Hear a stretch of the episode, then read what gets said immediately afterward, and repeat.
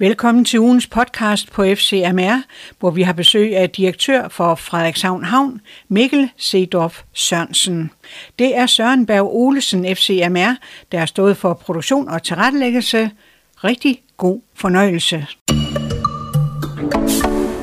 Mikkel Sedorf Sørensen, direktør for Frederikshavn Havn siden 2012. Du vil fortælle os om havnen og udvidelser osv. Ja, meget gerne. Kan du starte med at præsentere dig selv og din Ja. baggrund? Jeg hedder som sagt Mikkel Sedorf Sørensen og er 53 år.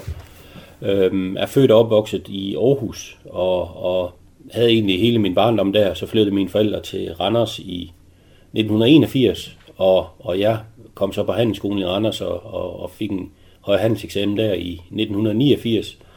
Og samme år startede jeg så i lære i, i shippingbranchen ved en lokal skibsmaler på Randers Havn. Og det havde egentlig ganske tidligt været min, været min store drøm at komme inden for shipping. Øhm, og, og jeg var så, så heldig, kan man sige, at, at øh, firmaet blev overtaget af Fredericia Shipping, som øh, havde ønske om at, at brede sig til andre danske havne, og da, da Fredericia dengang var Danmarks absolut største havn mål på godsomsætning, så var det en stor drøm for mig, at de, efter jeg udlagde, tilbød mig at komme til Fredericia, hvor jeg så havde øh, fire år, inden jeg drog til Klaipeda i Litauen, hvor vi havde lavet en, en, en, øh, en øh, rute med trailer, lastbiler fra Fredericia. Og det var, det var for at, at komme ind og, og have en del af det voksende marked, der var med, med transport af danske varer til, til, til primært Rusland. Og der kom DFDS så ind over den, øh, den rute, øh, og da jeg blev udstationeret, blev jeg så, øh, fordi DFDS har fået aktiemajoriteten, så blev jeg så DFDS-ansat. Og var så der i to år, så endte jeg i, i Moskva, øh, og var der i to år også. Og så kom jeg tilbage til, til Fredericia i, i 2000, øh, hvor faktisk konkurrenten til, til, øh, til Fredericia Shipping søgte en, en, en salgschef, øh, og, og den fik jeg, og blev så senere salgsdirektør for det, der kom til at hedde Shipping.dk, som havde 10 kontorer i Danmark og 5 i udlandet. Og det var egentlig også en, en del af baggrunden for, at, at, øh, at jeg, jeg kom til at kende Frederikshavn allerede på det tidspunkt, for vi købte eShipping.dk, Alf Sørensens speditionsforretning heroppe i, i Frederikshavn i 2008, så vidt jeg husker. Øhm, og hvad hedder det, havde nogle store planer om, hvad der kunne ske heroppe. Så, så jeg blev kontaktet i, i øh, december 2010, øh, en fredag formiddag, jeg husker det tydeligt stadigvæk, af en, af en jobkonsulent, som spurgte, om jeg var interesseret i at, at blive direktør for en havn. Og der, sagde- der svarer jeg sådan, det, det kommer godt nok an på, hvor det er henne. Og da hun så siger, at det, det er Frederikshavn, så siger jeg ja med det samme. Det, det kunne jeg godt tænke mig at, at snakke videre om.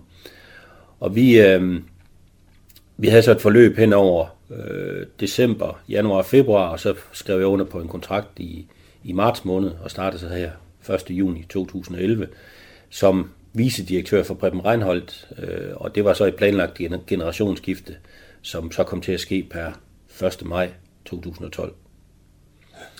Øh, jeg har to børn, øh, Sofie og Emil, som, som øh, var 8 og 10 år, da vi, da vi flyttede herop, Det kunne også være interessant, hvis du ville fortælle om kommandovejen inden for Frederikshavn Havn. Det starter vel politisk, ikke? Ja, det er rigtigt. Altså, vi er jo det, der hedder en, en kommunal selvstyrehavn, og det vil sige, at vi, øh, vi, har, vi er adskilt fra kommunen. Vi har en, et, et, efter det, der hedder armslængdeprincippet, og vi er reguleret efter havneloven, som, som, øh, som øh, agerer som øh, grundloven for, for udøvelsen af havneaktiviteter.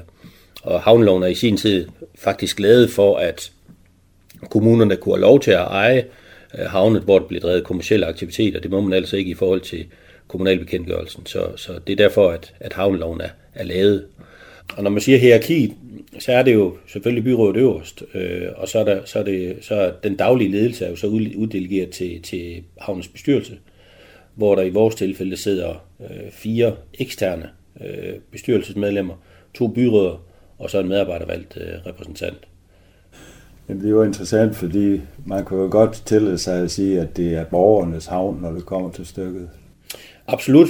Aktionærerne i havnen, det er jo borgerne i Frederikshavns Kommune. Havnen er en del af byens navn, og det, det, det udtrykker sig virkelig klart. Altså, der er en enorm positiv interesse for, hvad der sker på havnen, og, og, og jeg har aldrig set et sted i Danmark, hvor der er så tæt et forhold mellem by og havn. Øhm, det er meget, meget positivt, og det går jo helt tilbage til, til dengang, der var flere internationale færgeruter, der sejlede ind og ud af Frederikshavn, levede af at sælge tax-free, øh, dengang det var tilladt inden for EU. Og det betyder jo også, at byens gågade og hoteller og restauranter har levet af, af gæster, der kom ind med færgerne. Øhm, så det har, det har en stor indvirkning på, at, at, at byen bakker op om havnen, fordi at havnen også giver meget tilbage til byens borgere. Øh, det er jo både jobmæssigt, det med de turister, der kommer ind. Øhm, det er jo svært at møde folk i Frederikshavn, som ikke i familiemæssigt eller i deres vennekreds kender nogen, som arbejder på havnen eller har gjort det. Og, og igen, gågaden med øh, 5 millioner passagerer, da der var taxfree salg inden for EU, har jo levet stort af, af, af de gæster, der kom ind. Øhm, det er så blevet reduceret nu efter, at, at man fjernede øh, det taxfree salg inden for EU. Nu er det kun Norge, som står udenfor, øh, som, som stadigvæk øh, kan opretholde det. Øhm, vi, vi ligger lige nu på 1,7 millioner passagerer om året, så det er, det er jo en kraftig reduktion, der er sket. Jeg tænker også det med, at øh, havnen er velset blandt borgerne, at det kunne også have noget at gøre med, at man åbnede, mens udvidelsen fandt sted. Vi, vi ville gerne ud og se, hvad det var, vi, vi fik. Og der var åbenhed omkring det, følte jeg. Jamen gerne, vi, vi, vil, vi ønsker alt det åbenhed, vi, vi, vi kan komme med. Altså vi er jo, vi, nu Fredericia, hvor jeg kom fra, da, da jeg kom herop, der, der besluttede man at, at lukke største delen af havnen af med ISPS-hegn. Øh, vi har så i stedet for at sætte et stort hegn op omkring Frederikshavn Havn, sådan principielt, og en hovedindgang, så har vi valgt at lave flere små ISPS-områder, altså terrorsikringsområder. Og det betyder jo, at, at man, man øh, er nødt til at lukke de sektioner, der ligger skibe i, som er i international fart. Hvis ikke der er kontrol over, hvad det er for nogle mennesker, der passerer ind og ud af de områder, skibene ligger i, så kan de blive afvist, når de kommer til den næste havn. De her regler blev indført efter øh, angrebet på World Trade Center i, i 2001. Hvis ikke vi havde ISPS-hegn oppe, så måtte der ikke komme skibe ind fra, fra, fra udlandet. TFDS-færgerne og, og Stenefærgen måtte ikke komme fra Norge og Sverige. Så var vi egentlig øh, henlagt til, at vi, vi kunne ekspedere øh, færgen til og fra Læsø. Så, men vi gør det, vi kan, og vi har offret ekstra penge på at give adgangen, og vi har også øh, brugt ekstra penge på at, at give adgang til den nye ydermål, øh, hvor vi har sat et ekstra ISPS-hegn op på ydersiden, så at folk kan få den oplevelse. Både af de aktiviteter, der er, men også den, ikke mindst den fantastiske naturoplevelse, der er at, at, at stå ude på, på den nye mål og gå en tur ud på den nye mål. Der, der er en stolthed over havnen. Man kan høre også Frederikshavner, der, der kommer hjem øh, og ser, hvad der er sket her på havnen. De, også, de, de bliver meget benovet over, hvad, hvad det er for, for en udvikling, der er sket. Den firebenede strategi, vi har, altså med turisme og færgefart, konventionel havnedrift, øh, maritim service og miljø- og genindvinding, det er en strategi, som blev lavet tilbage i 2010. Man øh, ville have flere aktiviteter end færgeaktiviteterne, fordi man efter Color Line flyttede til Hirtals i 2007, blev man noget såret på, både, både på omsætning og på resultatet. Man ønskede simpelthen at have flere ben at stå på i en situation, hvor at færgedriften tidligere havde stået for godt og vel 90% af omsætningen på havnen. Så det, det er baggrunden for det.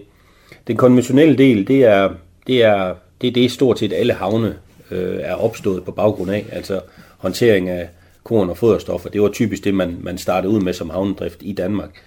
Øhm, det har været import af, af fyringsolie, som vi har her. Nu kan vi sidde og kigge ind på øh, Nordic Marine Oils bunkerterminal. Det var jo tidligere samme tank, hvor man sejlede fyringsolie ind fra de store oliehavne i Danmark, så, og så blev det distribueret herfra med, med lastbil ud til, til den, de private forbrugere.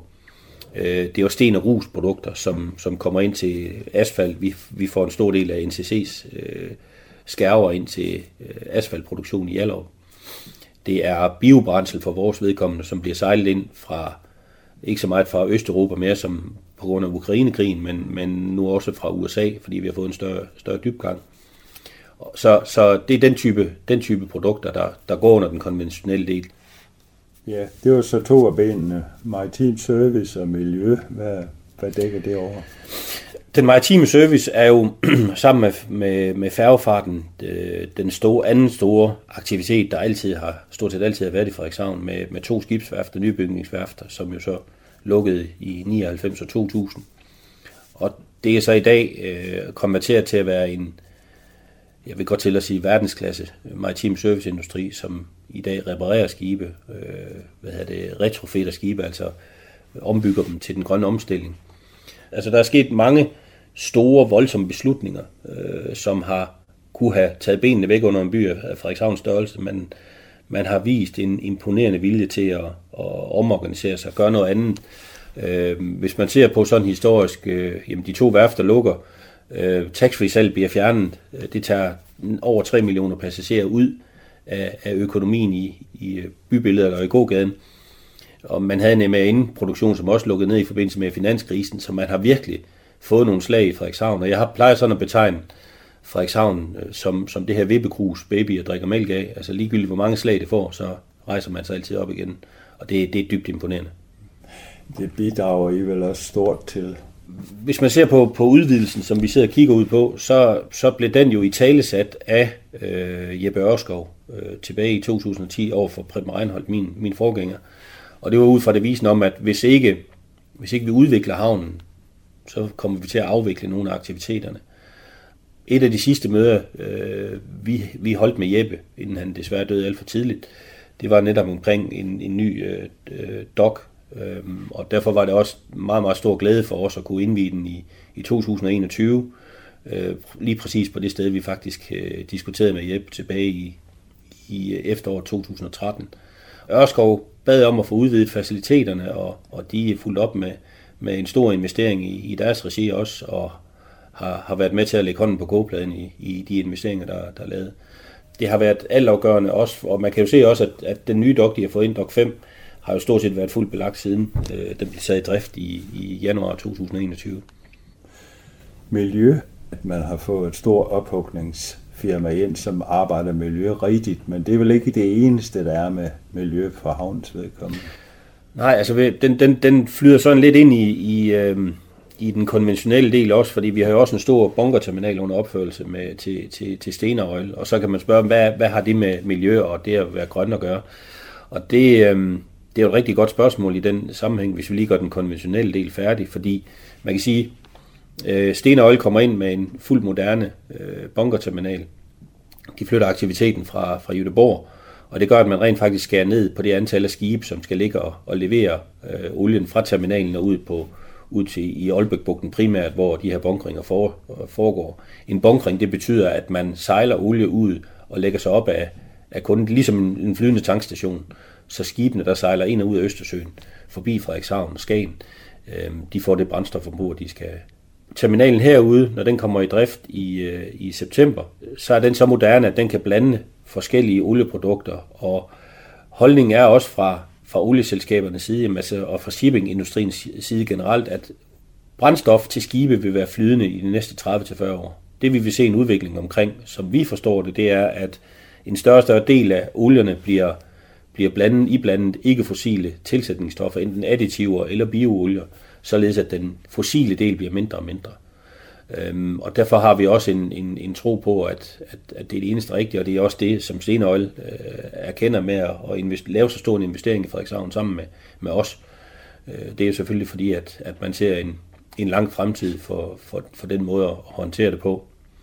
Men ellers så dækker miljøet jo over, og det var en af de første opgaver, øh, jeg fik, da jeg, da jeg startede her, det var, at vi skulle finde en recyclingværft, siger vi, fordi ophugning havde jo en, en lidt skidt betydning, men jeg beklager, hvis jeg kommer til at sige ophugning i, i den her samtale, men, men, men øh, vi ved jo alle sammen, hvad det er, det drejer sig om, men recycling er, er, er måske det rigtige ord at bruge. Øhm, vi sad i tilbage i 2013 og kiggede ind i, øhm, hvad, hvor findes en aktivitet henne, og så blandt andet på, på recycling af boreplatformen. For der fandtes i, på det tidspunkt ikke en lovgivning i EU øh, omkring ophugning øh, af boreplatformen.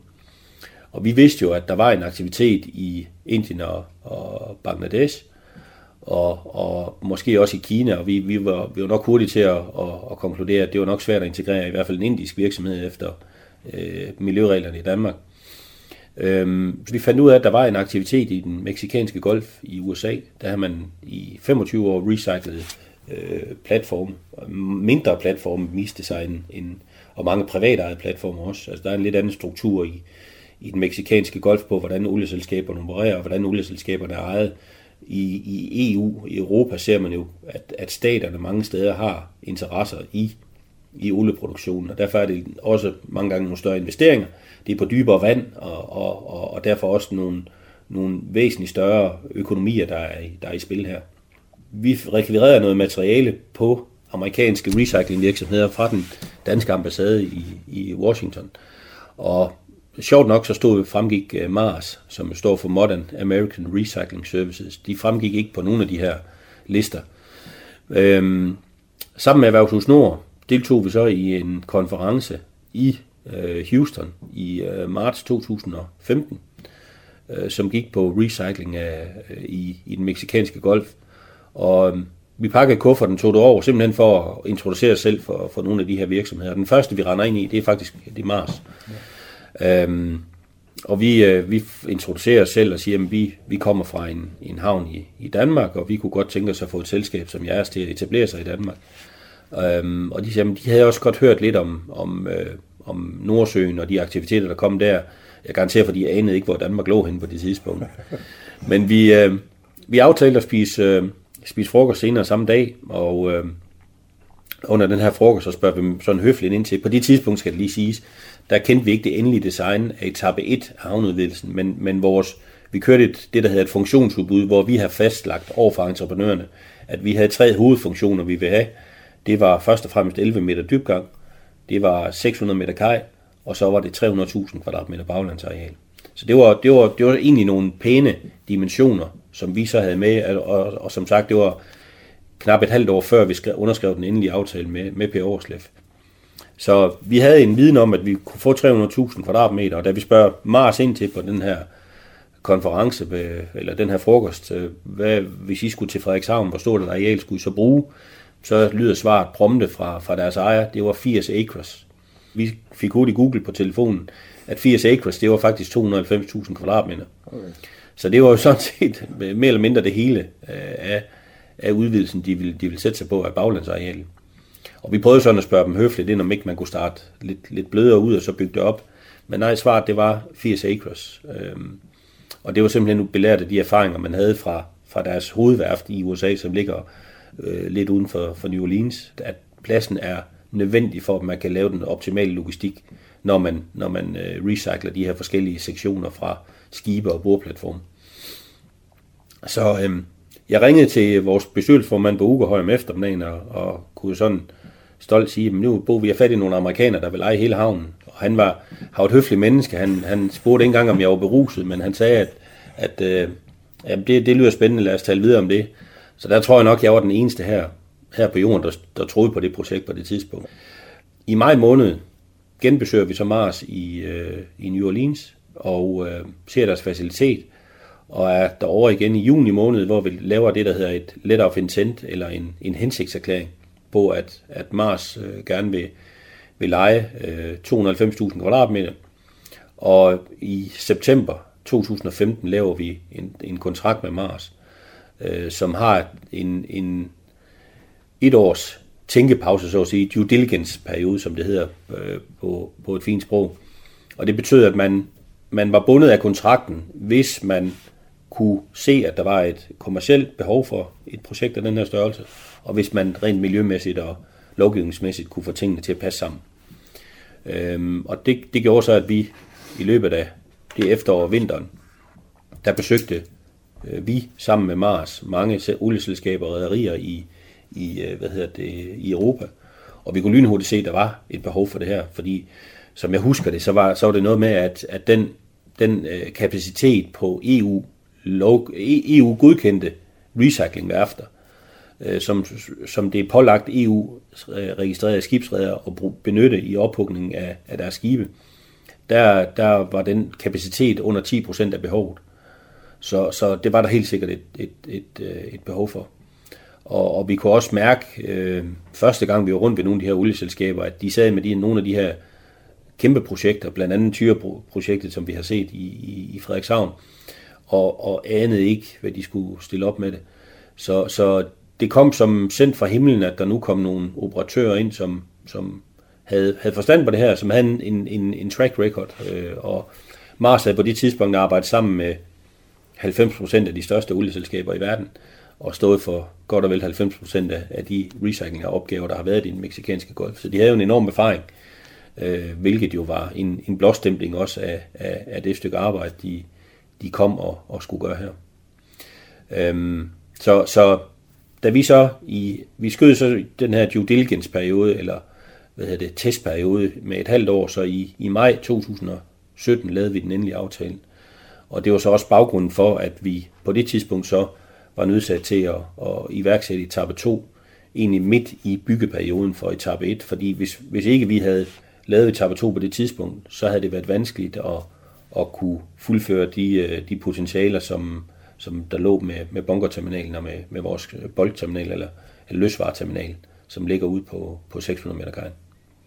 Det må være lidt besværligt at have sådan en succes. Det er ikke godt som havn at have udsolgt. Øh, og lige nu kan vi mærke, at vi har, altså vores, vores kajfaciliteter, de er mere eller mindre udsolgte. Så, så det som, altså den bevæggrund for, at, at Jeppe kom til, til Preben i, i 2011 og sagde, at vi skulle udvide, ud, uddybe havnen, øh, der har vi meget, meget få meter, kajmeter tilbage, som egentlig har, har de der dimensioner på, på, på 14 meter. Det, I første omgang gik vi efter 11 meter, men, men øh, vi, vi var så forudseende, at vi, vi forlængede spundsvæggene på, på 600 meter kajen i første omgang til, til 14 meter, så vi senere kunne uddybe til 14 meter. Og, og øh, det var et, et, et krav fra Mars i forbindelse med kontrakten, og også fra Stenøjle, at vi, vi udnyttede den her mulighed til at, at lave 14 meter dybgang. Ja. Så lige for at sætte lidt tal på, så, så er uddybningen jo klart den dyreste omkostning, når man, når man laver sådan en havn her, bygger sådan en havn. Og grunden til, at vi sagde 11 meter i første omgang, det var baseret på statistikker på de skibe, der sejler forbi herude, ind og ud af Østersøen. Øh, I den gamle havn, eller eksisterende havn, der har vi en dybgang på 8 meter. Og der kunne vi sige cirka 40% ind af de skibe, der sejler forbi herude. Øhm, og ved at uddybe det til 11 meter, så kunne man øh, tage 80% af skibene ind. Så groft sagt kan man sige, at man fordoblede potentialet for, for servicevirksomhederne ved at, at lave den dybgang. Ja. Og det var, det var baggrunden for det. Det var en, en forholdsvis lille mere investering øh, på, på 15 millioner kroner, så vidt jeg husker, som gjorde, at vi, vi, vi kunne forlænge spundsvæggen til at senere kunne blive uddybet til, til 14 meter. Okay. Og det var så det, vi, vi gjorde på det tidspunkt. Fordi havde vi, havde vi placeret Mars i, i øh, altså primært på den 600 meter kaj, som var i etape 1, jamen så har der kun været 50 meter kaj tilbage, og så har det været umuligt at, at, at, at, at lave olieterminalen. Okay. Øh, så derfor besluttede vi at, at rykke Mars sådan set ind i baglandet, og, og også få Mars til at tage nogle af de her baglandsarealer, som lå langt væk fra kajen. De var perfekte for Mars til at bruge til, at bruge til, til, til, til oplæring. Man kan se det, når man går turen ud nu, at, at det område, det, det, det, der står primært øh, redningsbåde fra, fra de skibe og de, de platforme, der har været inde. Ja. Og så byggede vi 400 meter kaj på det stykke af havneudvidelsen, hvor der i første omgang var, var planlagt en, en stensætning. Så, så vi kunne rykke Mars tilbage, og så kunne vi så stadigvæk øh, lave aftalerne på både løsvareterminalen og på olieterminalen, som skete i, i løbet af foråret eller første halvår 2018. Ja. Med hensyn til genindvinding, så var der måske lidt frygt i byen for, at der blev forurening. Hvordan er det gået nu, synes du? Jamen, det blev løst på en, på en rigtig, rigtig god måde. Altså, vi har, vi har selvfølgelig lært meget også om kommunikationen omkring, omkring det her. Jeg kan huske, da, da det blev offentliggjort, der var der en heltids, øh, at Mars kom til Frederikshavn, der var der en heltids øh, artikel i, i børsen i september 2015. Og der har, som du siger, der har været en, en, en del skepsis, også med rette. Altså det, alt, alt nyt kan, kan være omgivet af noget mystik og, og hvad hedder det, jeg, jeg har en fornemmelse af, at, at den der holdning til, at, at det her det kunne komme, og det kunne ødelægge hele havmiljøet, øhm, og det, holdningen var jo også dengang, at, at det kommer aldrig til at ske i, i Danmark, fordi vi har de skrappeste miljøregler, vi har de dyreste lønninger, vi har de højeste anlægsomkostninger i verden, så det her kommer ikke til at kunne lade sig gøre i, i, i Danmark. Og der har jeg en fornemmelse af nu, at, at, at holdningen både fra rædderierne eller olieselskaberne og, og også borgerne øh, er vendt til at sige, at det skal jo netop foregå i Danmark, fordi vi har de skrappeste miljøregler. Og det er også den argumentation, Mars' ejer bruger. Vi har jo hele tiden haft, og haft den viden, og den, har været, den, har, den skulle man måske have kommunikeret lidt tydeligere fra starten. Altså, man skal huske på, hvis, hvis Mars havde lavet alvorlige fejl i deres håndtering i USA, så havde de aldrig fået en kontrakt igen med et olieselskab. Så det, at vi fandt en operatør som dem, var jo egentlig en god garanti for, at deres procedurer, deres sikkerhedsforanstaltninger øh, og deres erfaringer var, var helt i tråd med det, man, man, man efterlyste, hvis man skulle have sådan en aktivitet i, i Europa. Der var som sagt ikke nogen værfter, der, der kunne, kunne det her på det tidspunkt. Set i bagspejlet, så, så, så, øh, har, så kunne man have kommunikeret fra, specielt fra Mars' side, også anderledes omkring det her. Øh, men, men man skal også tænke på, at, at det er en amerikansk virksomhed, der kommer hertil, og, og det er ikke fordi, man ikke ønskede at kommunikere, men, men hvis man ser på den amerikanske kultur i forhold til den danske, så har det haft så stor bevågenhed lokalt set og nationalt også. Og havde det været i, i, i New Orleans, det her det var sket, jamen, så har der ikke engang været tre linjer i den lokale avis. Og det har været en stor forskel i det. Det er jo imponerende at se i dag, at, at Mars er 260 ansatte og har, har sikret en ordrebog langt ind i fremtiden. Øh, senest med, med Safiro Producer, som jo kom for en lille måneds tid siden. Succesen er faktisk væsentligt større, end vi havde tur håb på. Målet var, at man, man, man kunne ende på 200 medarbejdere.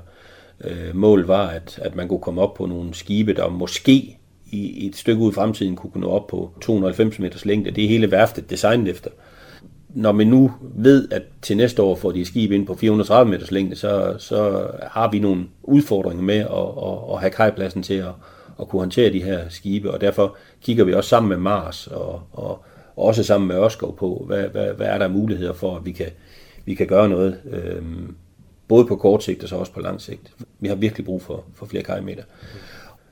Den bedste forklaring egentlig, jeg har, jeg har fået på, hvorfor det her skal ske i Danmark, det var, vi var sammen med Mars på en, en konference omkring recycling i, i London i 2018.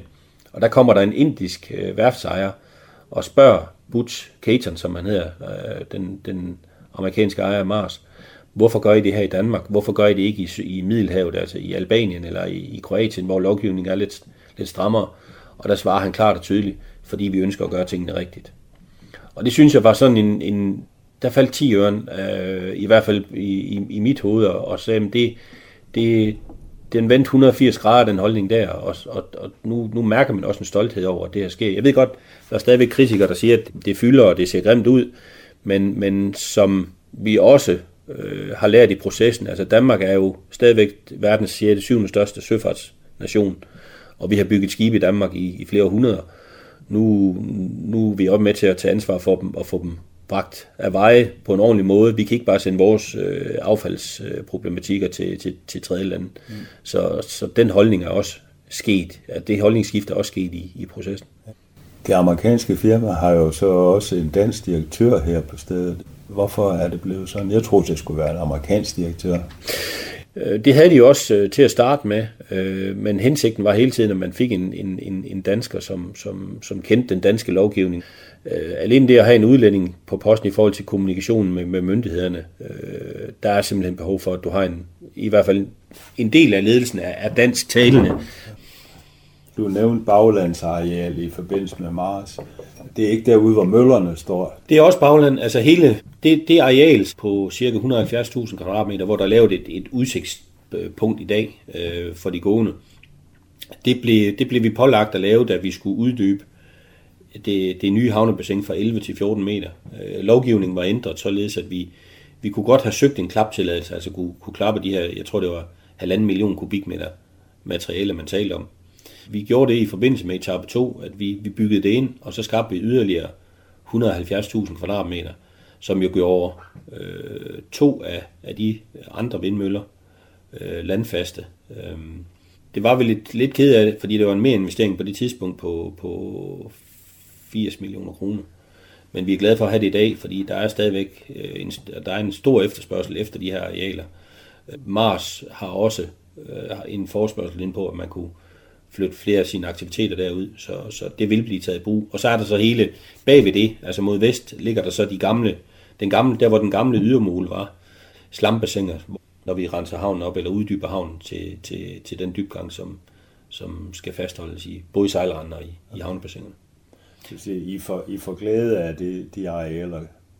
Det gør vi, ja. Altså det, de, vi har et, et bassin tilbage, som kan modtage er det 50.000 kubikmeter endnu. Så er det også lukket, lukket i. De andre er, er nu lukket i og skal så øh, lige, lige sætte sig sådan, at, at det kan bruges som, som, som havnearealer. Ja. Så, så det er vi også sikre på, at det kommer inden for de næste to til tre år, så kommer, så kommer de også i brug. Sætter de sig ved øh, tyngdekraft, eller skal I gøre noget for, at de sætter sig? Vi gør noget. Hvis du lader naturkræfterne gøre det, så kan det godt tage 10-15 år. Det er i hvert fald den, de erfaringer, man har historisk. Altså nu har vi gjort det som en kombination af både for at lave et, et tryk på den yderste del, altså de nye 170.000 kvadratmeter. Der var så mange mængder, at vi, vi har lagt det op i højden for dels at, at, at, at få areal til at sætte sig, og så lave den her udsigtspost, som, som jeg talte om. Noget af det her sand kan så skubbes bagud og, og så bruge til, bruges til at, at stabilisere med. Men der, der findes også metoder i dag, hvor man kan, kan iblande beton for eksempel i, i sanden, således at man, man hurtigere får en stabilisering. Okay. Det bruger man blandt andet også ved, når man bygger nye, øh, nye havnearealer i dag. Vi har haft nogle meget, meget dygtige rådgivere til at, at regne på, hvad, hvordan vi, vi kunne bygge arealer, så vi kunne påbegynde byggerierne på havnen øh, så hurtigt som muligt. Fordi det at bygge molerne, baglandsarealet og kajerne, og så skulle vente 10-15 år, før de, de sætter sig og, og, og er byggemoden, det, det, det, er der ingen, det er der ingen havneøkonomi, der kan, der kan holde til.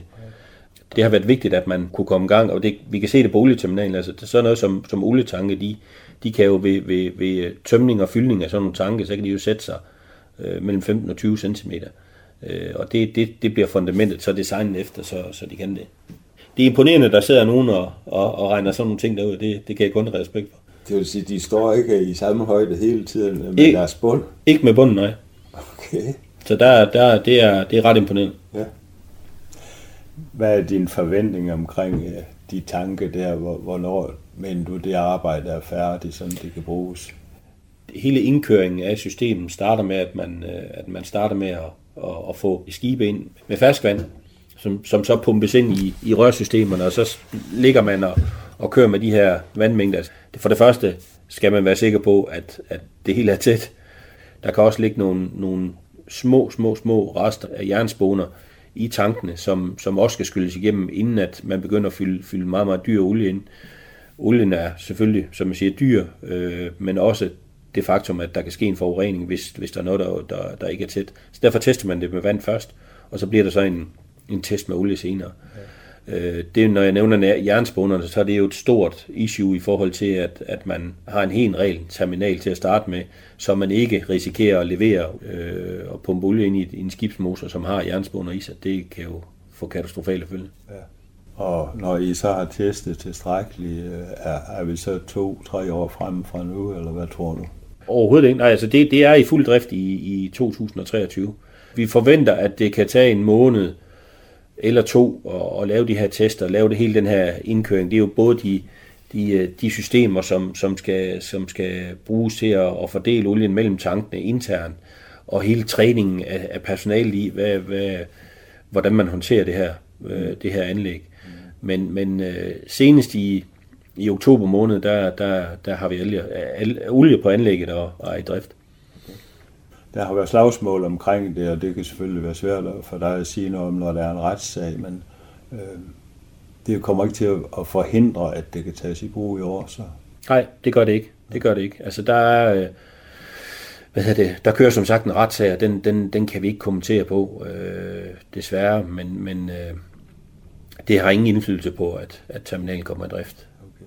Det vi egentlig gjorde, det var, at vi, vi valgte at sige, at vi var nødt til at opsige kontrakten med Blad, for at, at sikre, at vi kom i drift øh, i 2023. Øh, og det, det opfylder vi så også nu. Okay. Jamen, så begynder I at kunne få penge ind. Præcis. Altså vi er desværre, når vi når november i år, så er vi tre år forsinket med, med hensyn til færdiggørelse. Ja. Fordelingen af, af din direktørrolle og på Ugerhøjs bestyrelsesformandsroller. Du har fortalt om systemet, men hvordan gør I det til daglig? Hvor går han ind, og hvor går du ind? Altså, som, som udgangspunkt er det jo, er det jo øh, bestyrelsen, der, der refererer til, til byrådet, øh, og så refererer jeg til bestyrelsen. Vi gør jo alt for at kommunikere øh, så direkte som muligt, og, og, og snakker også med både Birgit Hansen og Thomas Eriksen på kommunen, og der er nogle, nogle væsentlige ting, der skal diskuteres. Men ellers har Bo og jeg et, et, øh, et rigtig, rigtig godt samarbejde i dagligdagen. jeg har den filosofi, at jeg vil egentlig hellere have bestyrelsens inddragelse.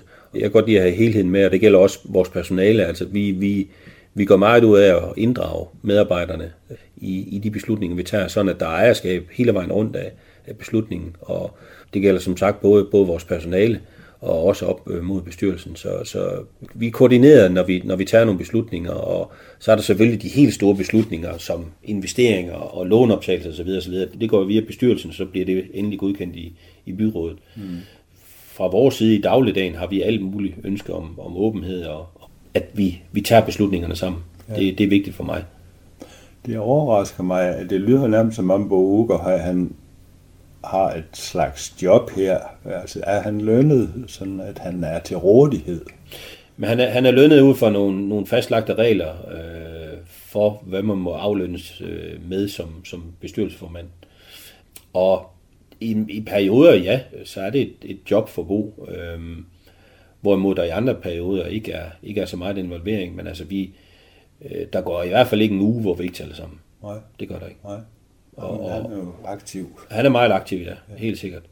Ja. Øh, og, og, og det har vi stor glæde af også. Så, så, og, det, og det gælder faktisk hele vores bestyrelse. Altså, vi kan spille på de forskellige kompetencer, der er i bestyrelsen, og inddrage dem på sigt, når, når der er behov for det. Og vi, jeg synes, vi har et, et formidabelt samarbejde med den samlede bestyrelse. Det er jo store investeringer, vi har taget med hensigt på at, at kunne lave nogle nye aktiviteter og kunne også at kunne skabe nogle jobs, og, og det synes vi egentlig, det, er, det lykkes ganske godt. Ja. Vi har jo egentlig reduceret vores medarbejderstab i, i den periode, hvor vi har bygget havnen også, og, og hvilket egentlig er, er, er ret flot, fordi at man kan sige, at vi, vi har, ved, ved siden af at folk har passet deres, deres daglige arbejde, så har vi også haft, øh, hvad hedder det, et, et, et stort projekt at, arbejde med. Så, så øh, jeg kan kun have den største respekt og ros til vores samlede medarbejderstab. Før du kom ind i billedet, går jeg ud fra, der havde vi bestemt, at vi skulle overtage havnen som kommunal ting fra staten. Ja. Det var der noget usikkerhed om, det var nu var klogt. Ja. Men uh, der, er, der er nogle fordele og nogle risici. Hvordan synes du, de balancerer? Er det helt entydigt klogt, at det skete, og det skift? Det, det, helt bestemt. Altså det, det, det, det kan man jo se på den indtjening, som har været på havnen øh, hvad hedder det, siden, siden 2001. Øhm, og også den, den jobskabelse, som, som, som, øh, som er sket. Altså den, vi fik lavet en såkaldt oplandsundersøgelse tilbage i 2018, som, som øh, beskrev, hvad, hvad, hvad betyder aktiviteterne i og omkring havnen. Det er jo ikke Frederikshavn Havn som, som udgangspunkt, det er jo, det er jo virksomhederne på havnen, som, som, som skaber øh, jobskabelsen, eller skaber de aktiviteter, som, som får folk i arbejde, og det, det gør de jo vanvittigt flot. Øh, der er jo i den undersøgelse var der vist, at der var 5500, altså 5.500 jobs tilknyttet aktiviteterne i og omkring havnen, og som var næsten, det var mellem hver fjerde eller femte job i kommunen, som, som havde relation til, til havnen, og det, det, er jo, det viser lidt om, hvor, hvor vigtigt det er. Øhm, og, og det var jo også, det var også tilbage til, til, til planerne for at lave havneudvidelsen, der, der lavede man nogle undersøgelser med de lokale virksomheder, hvor man gik ud og spurgte, hvis vi udvider dybgangen og indsejlingsbredden, hvad kan det have indflydelse på jeres omsætning og jobskabelse? Og dengang øh, i 2011, det var lige før jeg kom til, at den undersøgelse var færdig, der, der sagde øh, en, en del af, de, af, de, af virksomhederne på havnen, øh, at de, kunne, de ville kunne skabe cirka 500 jobs. Øh, og hvis man så tager baglandsfaktoren med, altså for hvert job, der er på havnen, siger man, der er der i de bagland også, altså i, i, i byens liv, restauranter, øh, indkøbsmuligheder, butikker osv. osv.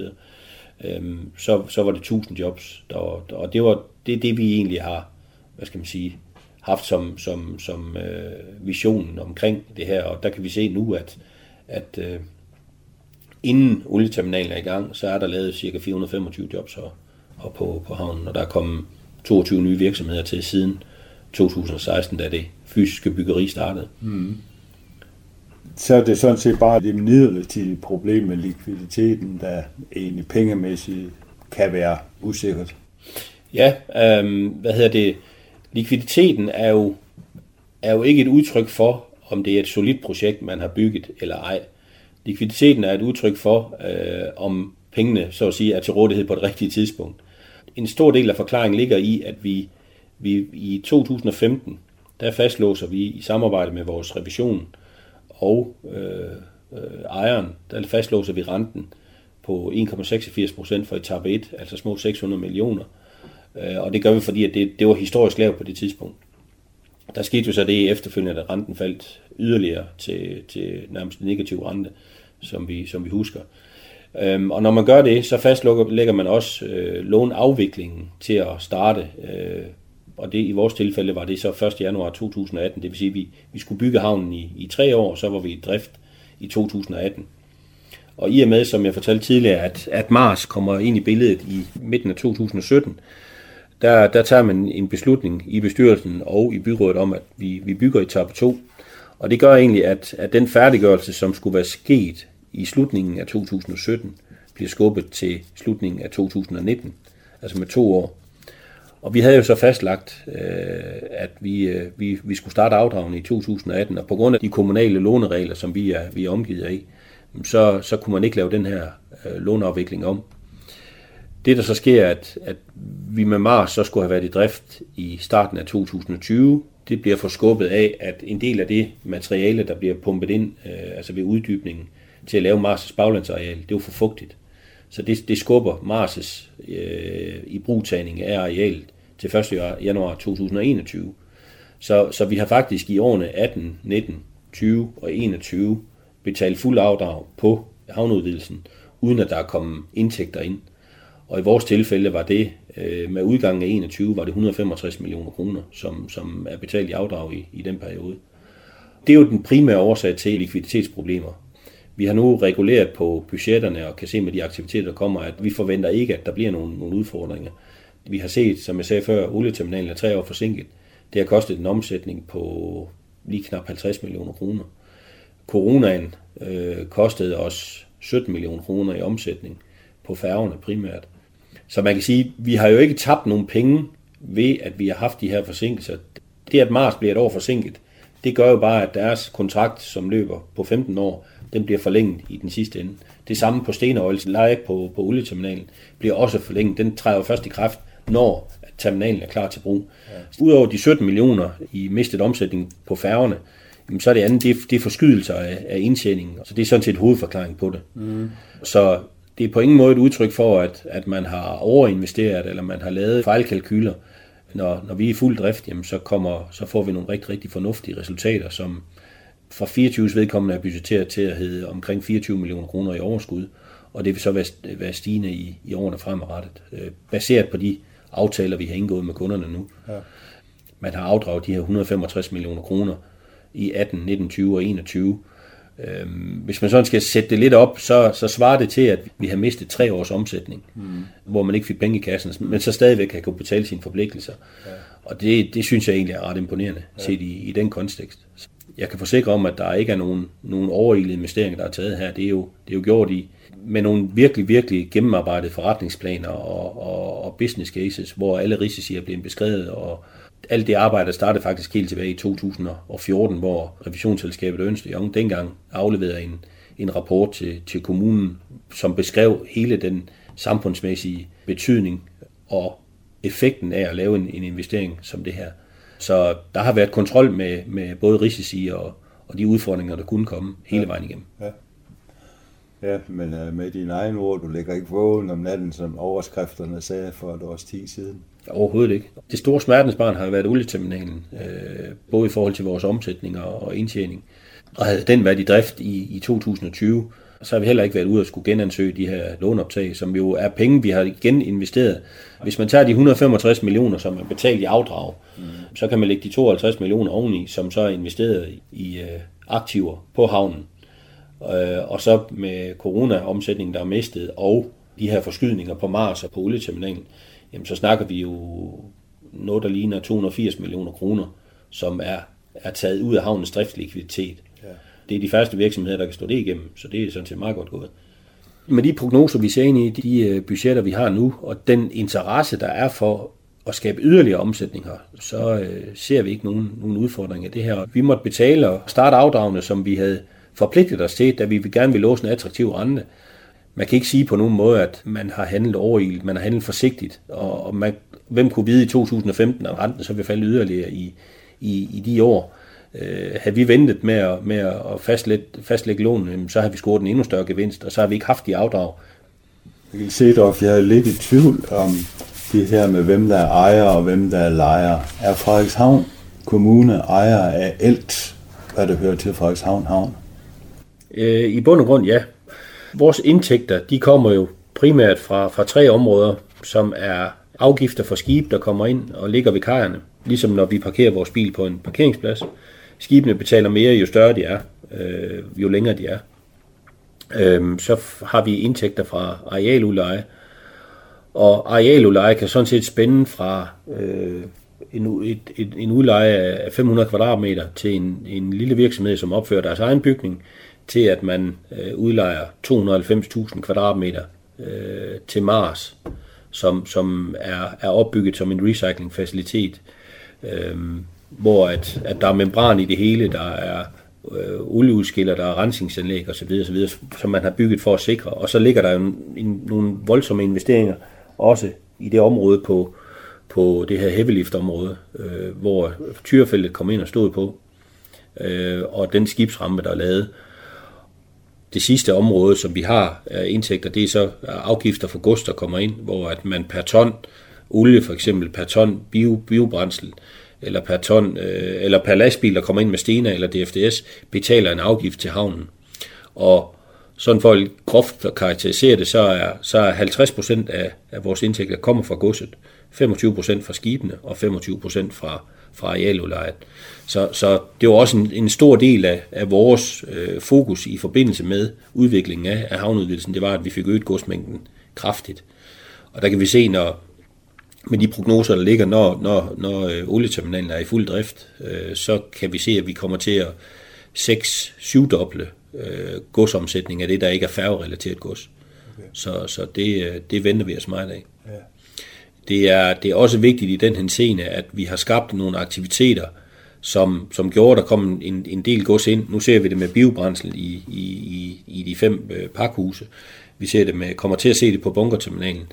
Altså skibe, der kommer ind med gods, afleverer gods til olieterminalen, der er tomme, det bliver et potentiale for servicevirksomhederne også, fordi de, de, de kan gå til reparation. De, de, øh, det er de færreste skibe, der går ind til reparation, som har last ombord. Fordi skal et skib dokke, så er det helt udelukket at have last ombord, så, så ødelægger man stabiliteten i skibet. Så det kan ikke lade sig gøre.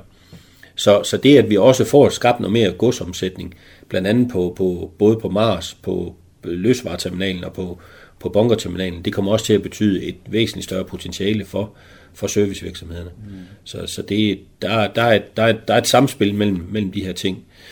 Og tilbage til de spørgsmål om, om, om ejerskabet, altså det er, når man ser, når man ser på Mars' øh, terminal, i og med at, at de investeringer ligger i, hvad skal man sige, under jorden, øh, de fleste af dem, øh, membraner, øh, heavyliftområdet, olierensningsanlæggene, Jamen det, det er jo nogle investeringer, som Mars ikke kan tage med herfra, øh, og derfor har, vi, har det været fornuftigt, at det er havnen, der, der, der investerer i det, fordi så er det også vores aktiv, og så, så er vi sikre, at, sikre på, at det er her.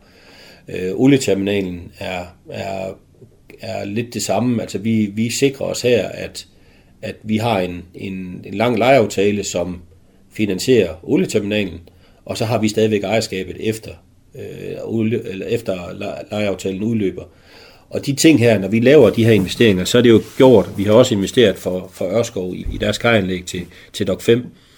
Øhm, så sørger vi selvfølgelig for at sikre os med, med, med, med så gode garantier som muligt fra de selskaber, øh, moderselskabsgarantier blandt andet. Så vi gør jo alt for at sikre os bedst muligt i forhold til, til, til de investeringer, vi laver. Øhm, det, det er jo klart, at, at kajarealer, øh, baglandsarealer, kajer og ydermoler, det er havnens investering, fordi det er vores ejerskab, og det, det er også noget af det, der, der er mantraet, det, det vil vi sidde på selv.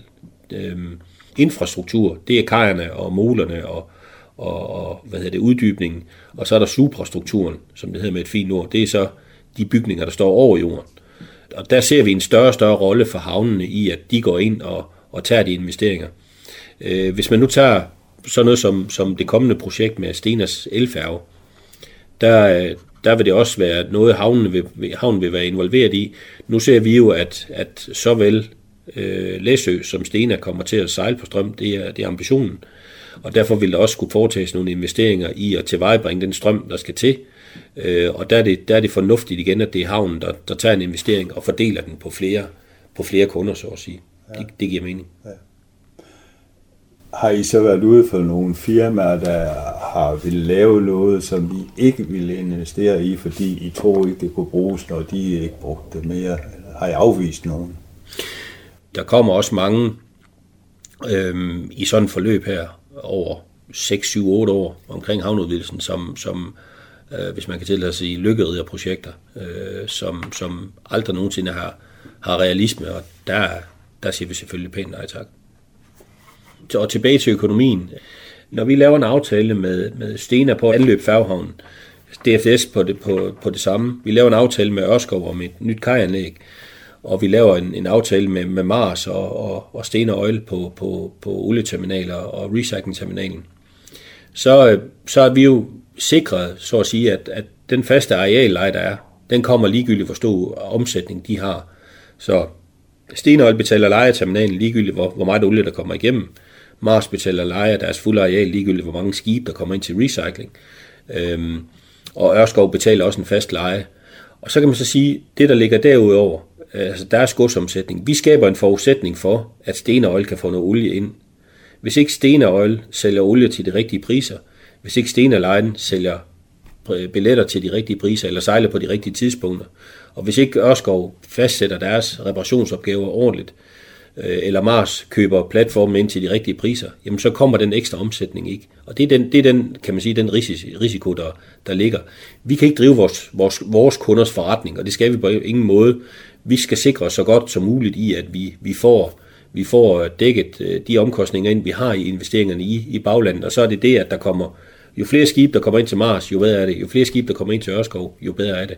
Jo flere lastbiler, der kommer med færgen, jo bedre er det. Og jo, jo mere olie, der kommer ind på olieterminalen, jo bedre er det. Øhm, og lidt tilbage til økonomien, så kan vi se, at, at på det, vi har investeret i havneudvidelsen, cirka 1,5 milliard, når, når alt er færdigt, der ligger, der ligger der sikkerhed for godt og vel 73 procent af, af den omsætning, som er budgetteret. Altså det ligger i faste lejeaftaler. Så kan der ske det, at virksomhederne går konkurs. Øhm, det er vi ikke her over. Så, så kan der være en risiko i det, men, men, men den, den står vi jo hele tiden overfor.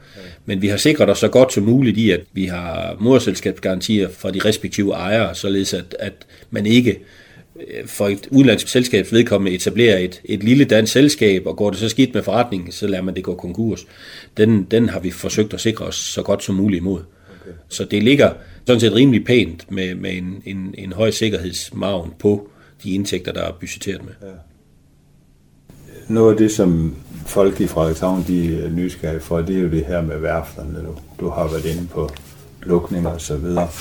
Øh, hvordan vurderer du, at værftsituationen fremover vil være? Vil det være Ørskov og så ikke mere øh, værft? Altså man kan jo sige, sådan som, som, som jeg opfatter det, så, så, så har man jo en, en stærkere struktur i dag, i og med, at man ikke har to store enheder, men, men, men aktiviteten er spredt ud på, på øh, Ørskov som, hvad skal man sige, hovedentreprenøren, og så en masse dygtige underleverandører. Og det, det giver en, en, en stærkere struktur, fordi mange af de underleverandører, som også servicerer blandt andet Ørskov, øh, vi har IMAN, vi har Vestergaard Marine Service, og bare for at nævne nogen SH Group, Øhm, de har jo i dag, i dag også andre aktiviteter, øh, som ikke bare er, er, ligger i Frederikshavn. De rejser, der, der er lige så mange aktiviteter uden for, for både Europa og altså på verdensplan for nogle af de her virksomheder, MAN, som, som har det samme med deres servicecenter.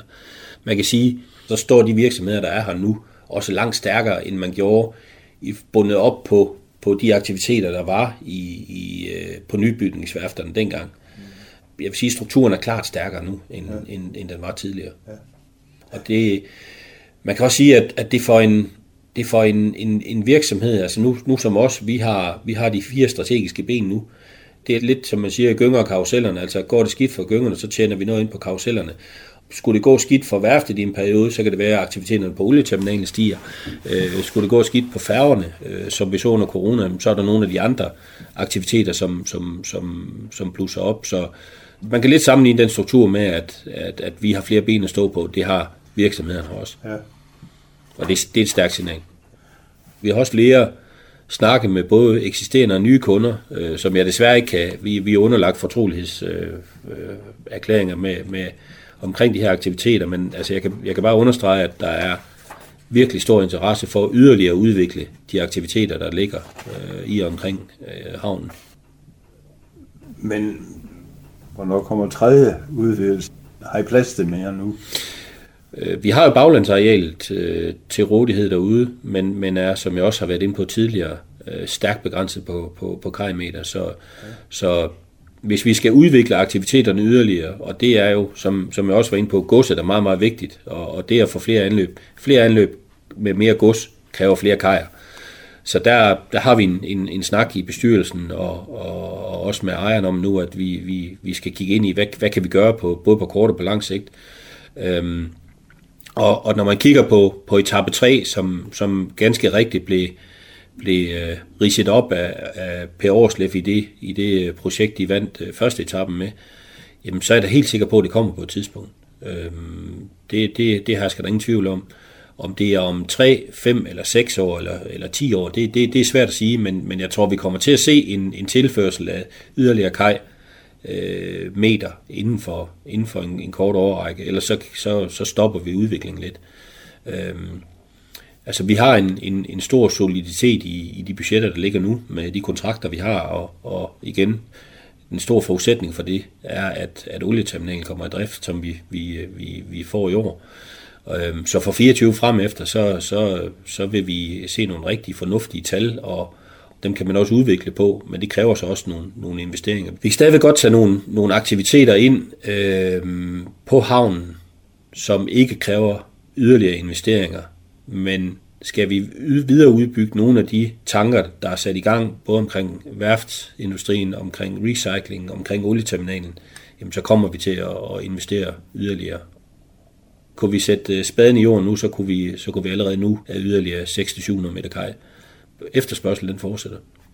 Det er jo fantastisk.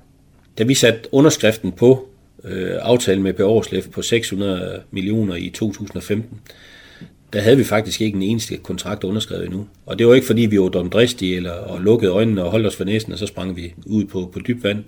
Det var en kalkuleret risiko på, at hvis, hvis, øh, hvis, ikke man, hvis ikke man havde fået nye kunder ind, jamen så, havde man, så ville man lave et underskud i havnen på omkring 10 millioner kroner om året. Så det var, det var meget, meget beskeden risiko, man tog på det tidspunkt. Og vi kan jo se, at, at det, at man turde tage springet, og det er jo en ros til både øh, byrådet, bestyrelsen, øh, på at man, man havde mod til at kaste sig ud i det her, fordi det igen høn og ægget.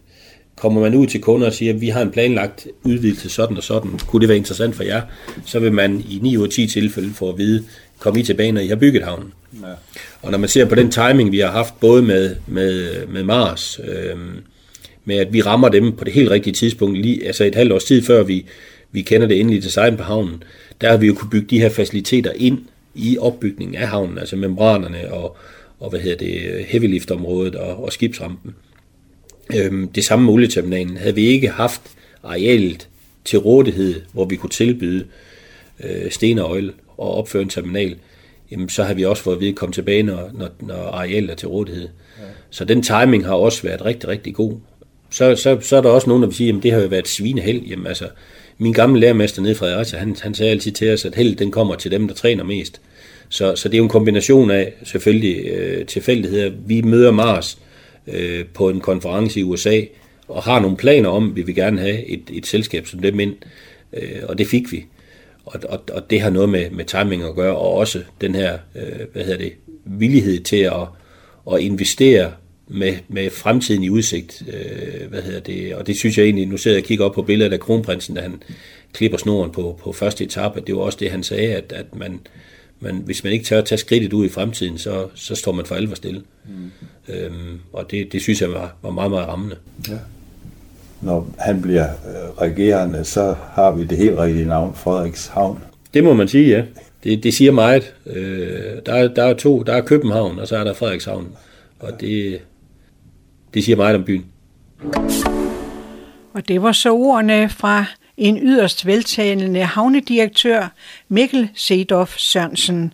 Og vi hørte om, hvad Frederikshavn Havn betyder for kommunen, virksomheder og for beskæftigelsen i Frederikshavn Kommune. Tak til både Mikkel Sedorf Sørensen og Søren Berg Olesen FCMR. Sidstnævnte har i øvrigt stået for tilrettelæggelse, redigering og produktion.